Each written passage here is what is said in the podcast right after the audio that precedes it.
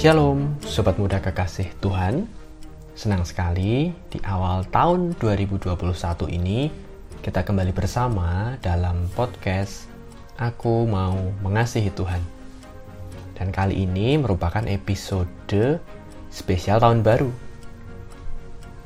Tidak terasa tahun 2020 sudah kita lalui bersama.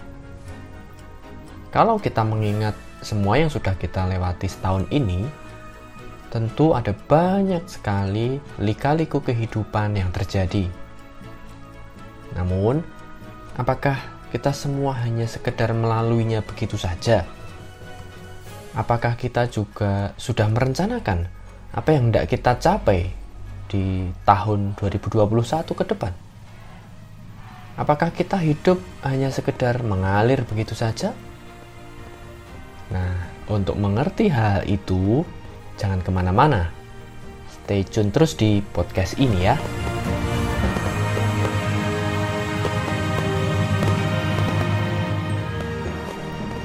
Sobat muda, amat disayangkan kalau kita melewati setahun yang lalu itu begitu saja dan tanpa mencoba memaknai apa artinya bagi hidup kita. Padahal kita tahu dari firman Tuhan yang dicatat oleh Nabi Yeremia di Yeremia 29 ayat 11 sampai ayat 13.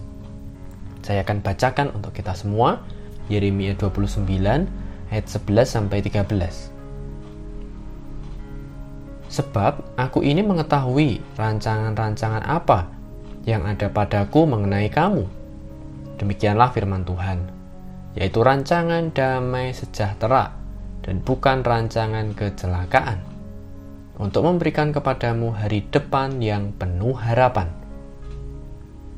Dan apabila kamu berseru dan datang untuk berdoa kepadaku, maka aku akan mendengarkan kamu. Apabila kamu mencari aku, kamu akan menemukan aku. Apabila kamu menanyakan aku dengan segenap hati.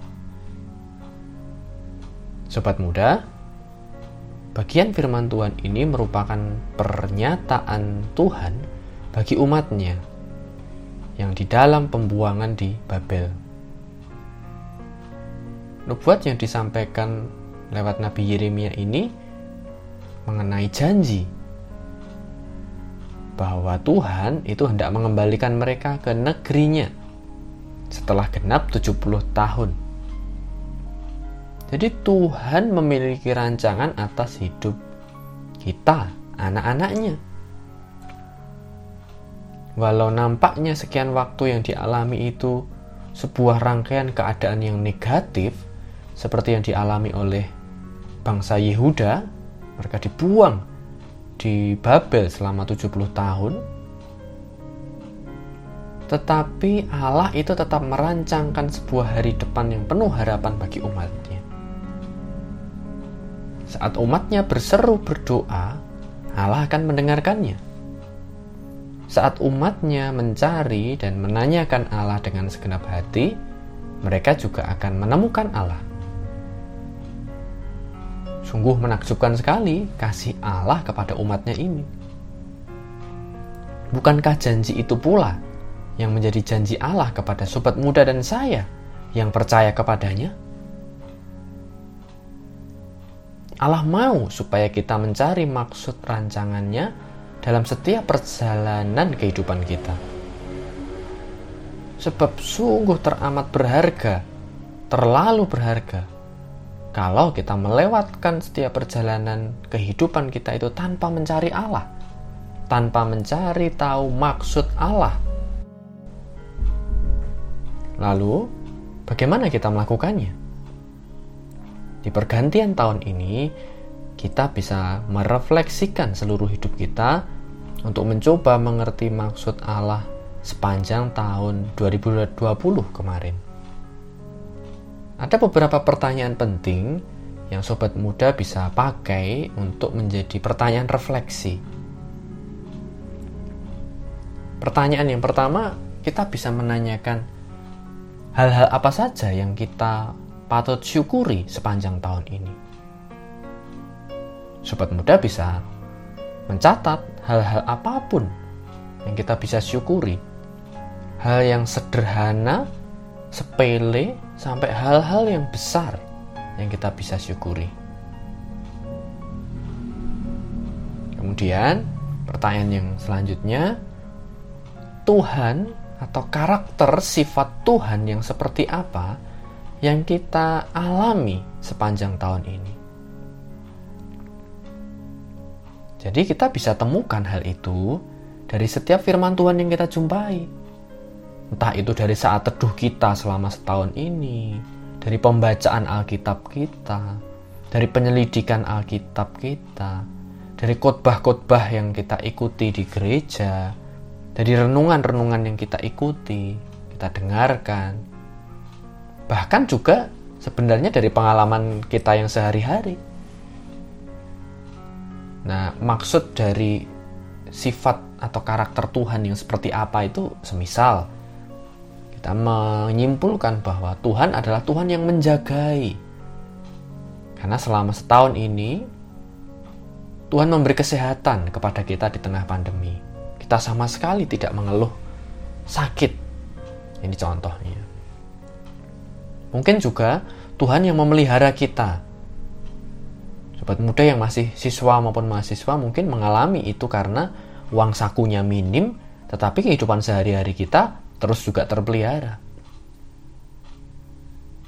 Atau kita juga bisa menemukan Tuhan yang berdaulat mengatur segala sesuatu itu di luar dugaan kita.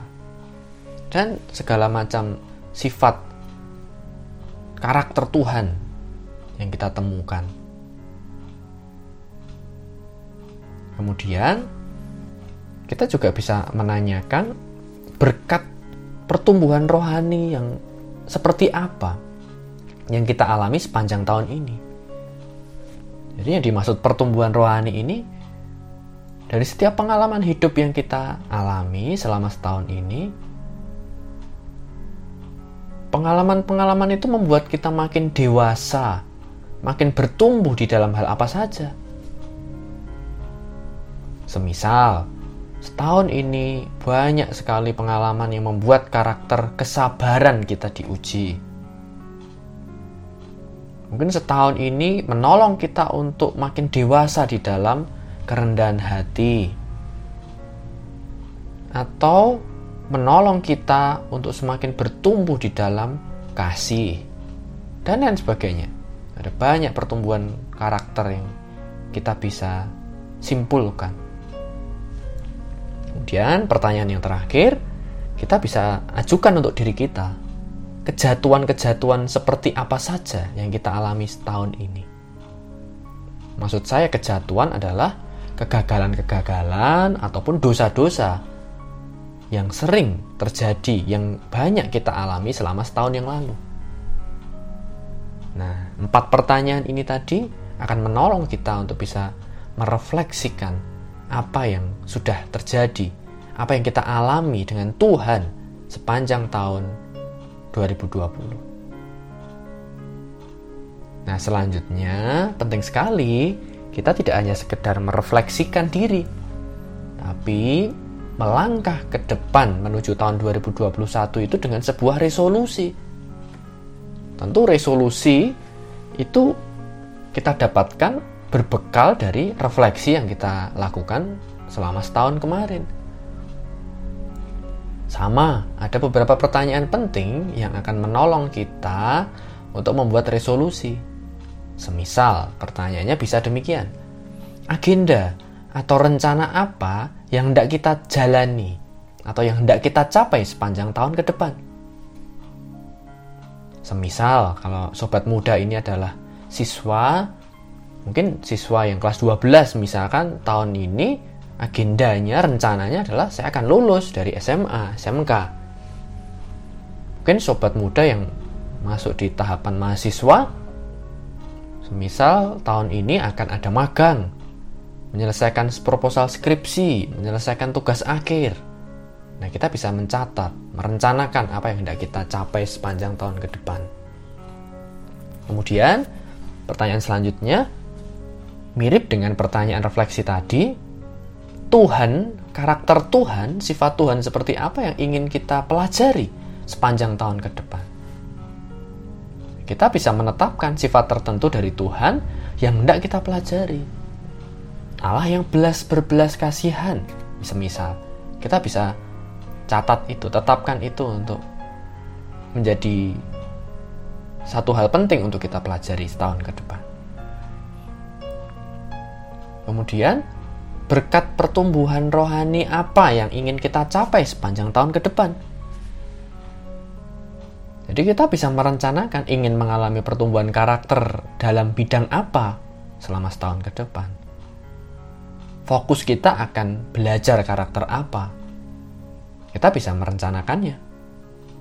Dan yang terakhir, ini tentang kejatuhan-kejatuhan kita atau kegagalan-kegagalan. Berarti pertanyaannya adalah kemenangan atau kebangkitan dari kejatuhan apa yang ingin kita alami sepanjang setahun ke depan. Tentu saja berarti kita perlu mengambil catatan kita dari kejatuhan-kejatuhan selama tahun lalu. Lalu kita ingin mengalami kemenangan-kemenangan apa selama setahun ke depan. Nah, demikian sobat muda, kekasih Tuhan, hal penting yang perlu kita lakukan untuk merefleksi dan juga membuat resolusi di tahun yang baru ini. Selamat tahun baru untuk sobat muda semua. Selamat refleksikan diri dan membuat resolusi di tahun 2021.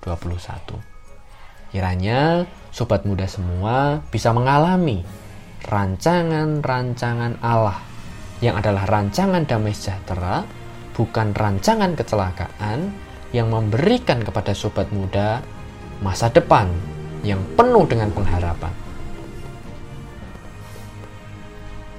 Sampai jumpa di podcast selanjutnya. God bless you all.